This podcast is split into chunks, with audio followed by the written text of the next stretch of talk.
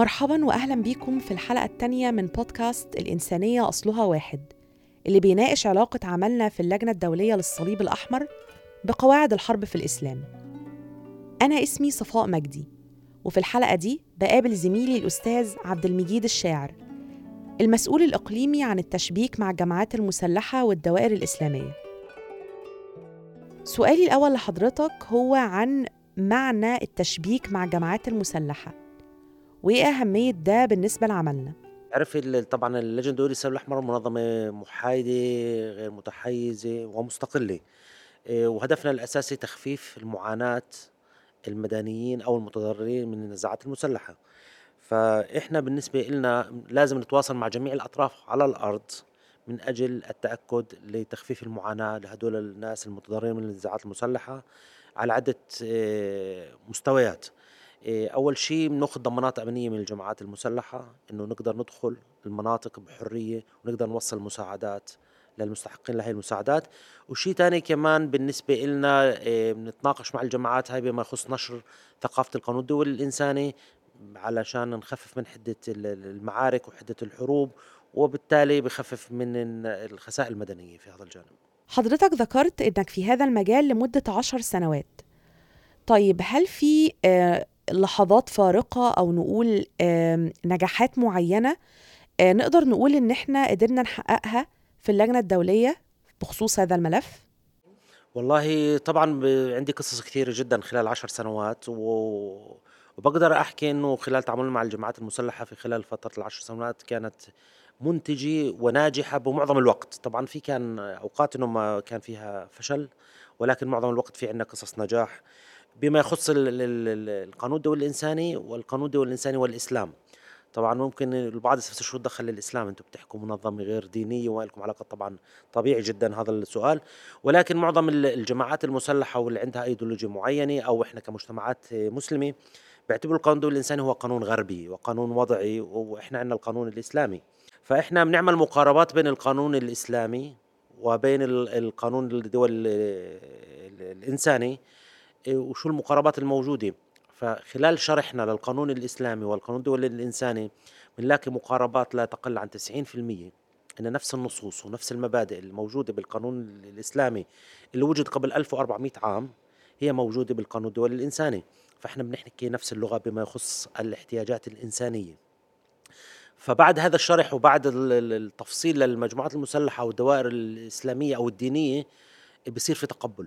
إنه آه، الموضوع نقدر نتكلم فيه ونحكي فيه ونحقق إنجازات على هذا الجانب.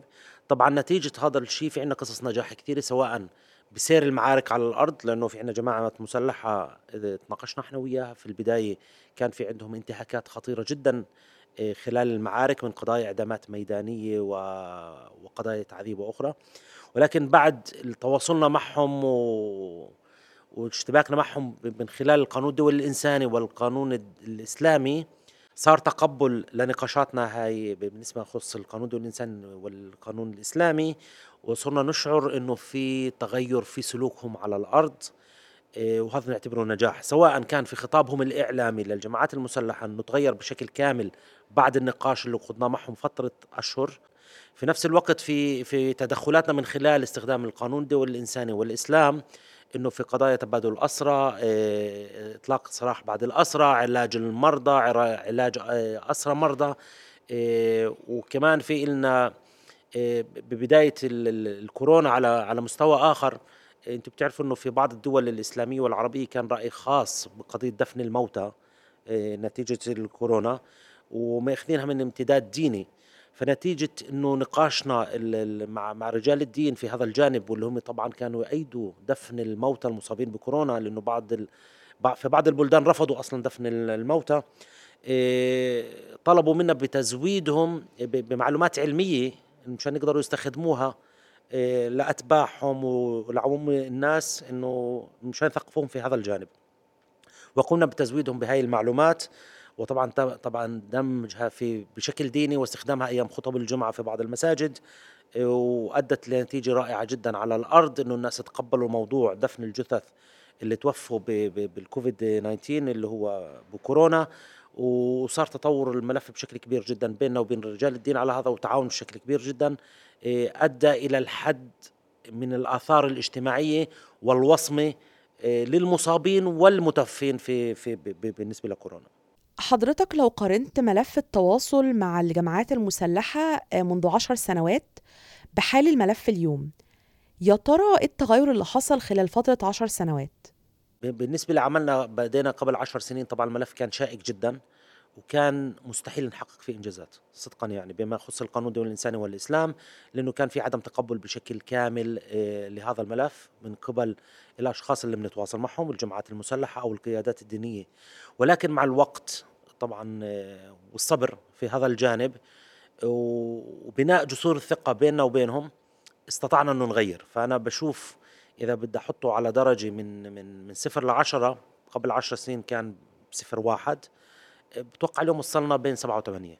ففي تطور كبير جدا ومثل ما حكينا اللي إحنا بنشوف الآثار اللي على الأرض أو اللغة اختلفت أو الإعلام اختلفت. طبعا إحنا بنحكي عن معظم الجماعات المسلحة اللي بنتواصل معها.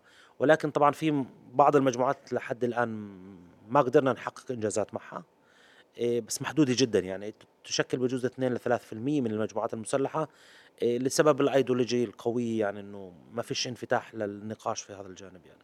أكيد خلال عملك واجهت صعوبات وتحديات في تقبل الجماعات المسلحة للصليب الأحمر أصلا. ويمكن كمان تكون آه، واجهت الرفض التام. فمن جانبنا في الصليب الأحمر بيكون إيه رد الفعل أو إيه الأسلوب المتبع؟ وهل تحت أي ظرف من الظروف إحنا بنقرر نستسلم؟ ما فيش شيء استسلام أصلا ما بنقدرش نستسلم. إحنا بنحكي عن عن حياة الإنسان بنحكي عن الإنسانية جمعاء. فبالنسبة لنا المجموعات اللي ما بتتقبل النقاش أو الحوار أكيد بنغير أساليبنا وبنضل نستثمر وبنضل نضغط وإحنا ملحين جدا في هذا الجانب صدقا. وكل واحد فينا بيسلم الرأي للاخر يعني حتى إحنا إذا تبدلنا الأشخاص ولكن الهدف بضل واحد. طبعا بنغير الاستراتيجيات والتكتيك في هذا الجانب يعني إذا ما قدرنا وصلنا للجماعة بشكل مباشر بنوصل لجماعه هم قريبين أو مؤثرين على الجماعات هاي وبنعمل معهم اتصال مباشر بنحاول نأثر من خلالهم سواء كانوا رجال دين قاده دينيين أو شيوخ قبائل أو عشائر أو أشخاص عاديين ولكن هم مؤثرين على الجماعات فبنحاول نوصل للجماعات هاي من خلالهم. السؤال الأخير لحضرتك وممكن تكون إجابته شخصية شوية بصراحة هل بتحس بأي نوع من الخوف أو القلق آه، عند التعامل مع الجماعات المسلحة؟ يعني احكي لي أكتر عن مثلا شعورك في أول مرة آه، خرجت فيها لأداء عملك بعد استلام الوظيفة وهل بتحس بالخوف أو الخطر اللي بيهدد حياتك؟ آه، شوفي هو الخطر على حياتنا دائما موجود. إحنا في الخطوط الأمانية الأمامية. ومعلش بدي أحكي هاي المعلومة هي داخلية. ولكن لما نوقع عقد العمل أول شيء بتوقع عليه عند وفاتك لمن نبعث جثتك. يعني فهي النقطة إنه من البداية يعني معروف فاحنا عارفين على إيش مقبلين ولكن الغرض أسمى وغرض خدمة الإنسانية. فأكيد هو خطر وموجود. ولكن ربنا سبحانه وتعالى قال ولا تلقوا بأيديكم إلى التهلكة. يعني برضه في نفس الوقت ما بصير الواحد يكون انتحاري في هذا الجانب. فإحنا قبل ما نروح نقابل الجماعات ونسق معها بنمهد الأرضية والبيئة قبل ما نعرض حالنا للخطر. فبنجي اتصالات عده بناخذ ضمانات أمنية كافية. ولحد الآن صدقا في تجربتي الشخصية أنا إيه لحد الآن كل الضمانات الأمنية اللي قدمت لي تم احترامها بشكل كبير جدا سواء إلي أو للفرق اللي دخلت المناطق اللي تحت سيطرة الجماعات المسلحة وقامت بتقديم الخدمات. فأكيد الشيء مخيف إيه ومخيف كمان لأنك مسؤول عن حياة زملائك لأنك أنت لما تأخذ ضمانات أمنية من الجماعات يعني في فريق بده يثق في في قرارك. يعني لما تقول لهم أنتم بتقدروا تدخلوا هذه المنطقة وتقدموا المساعدات إيه، فأنت مسؤول عن حياتهم أصبحت. هم وثقتهم فيك وأنت مسؤول عن حياتهم. فالقرار مش سهل. فعشان هيك إحنا بنخ... نعمل كل الإجراءات اللازمة بالتواصل معهم وأخذ الضمانات الكافية لأي فريق أو إلي شخصيا قبل ما إيه، إيه، نذهب للخطوط الأمامية. في النهاية بشكر زميلي الأستاذ عبد المجيد الشاعر المسؤول الإقليمي للتشبيك مع الجماعات المسلحة والدوائر الإسلامية. وانتظرونا في الحلقة القادمة وهي الحلقة الأخيرة من هذه السلسلة القصيرة. وهنسمع خلالها قصة شيقة عن كتاب مهم جدا أنتجناه في الصليب الأحمر وكتب مقدمته شيخ الأزهر ووصل للجماعات المسلحة في أفغانستان سنة 1999 ولحد الحلقة الجاية تابعوا هاشتاج الإنسانية أصلها واحد على فيسبوك وتويتر وإنستجرام ويوتيوب. وشاركونا هناك آرائكم وتعليقاتكم.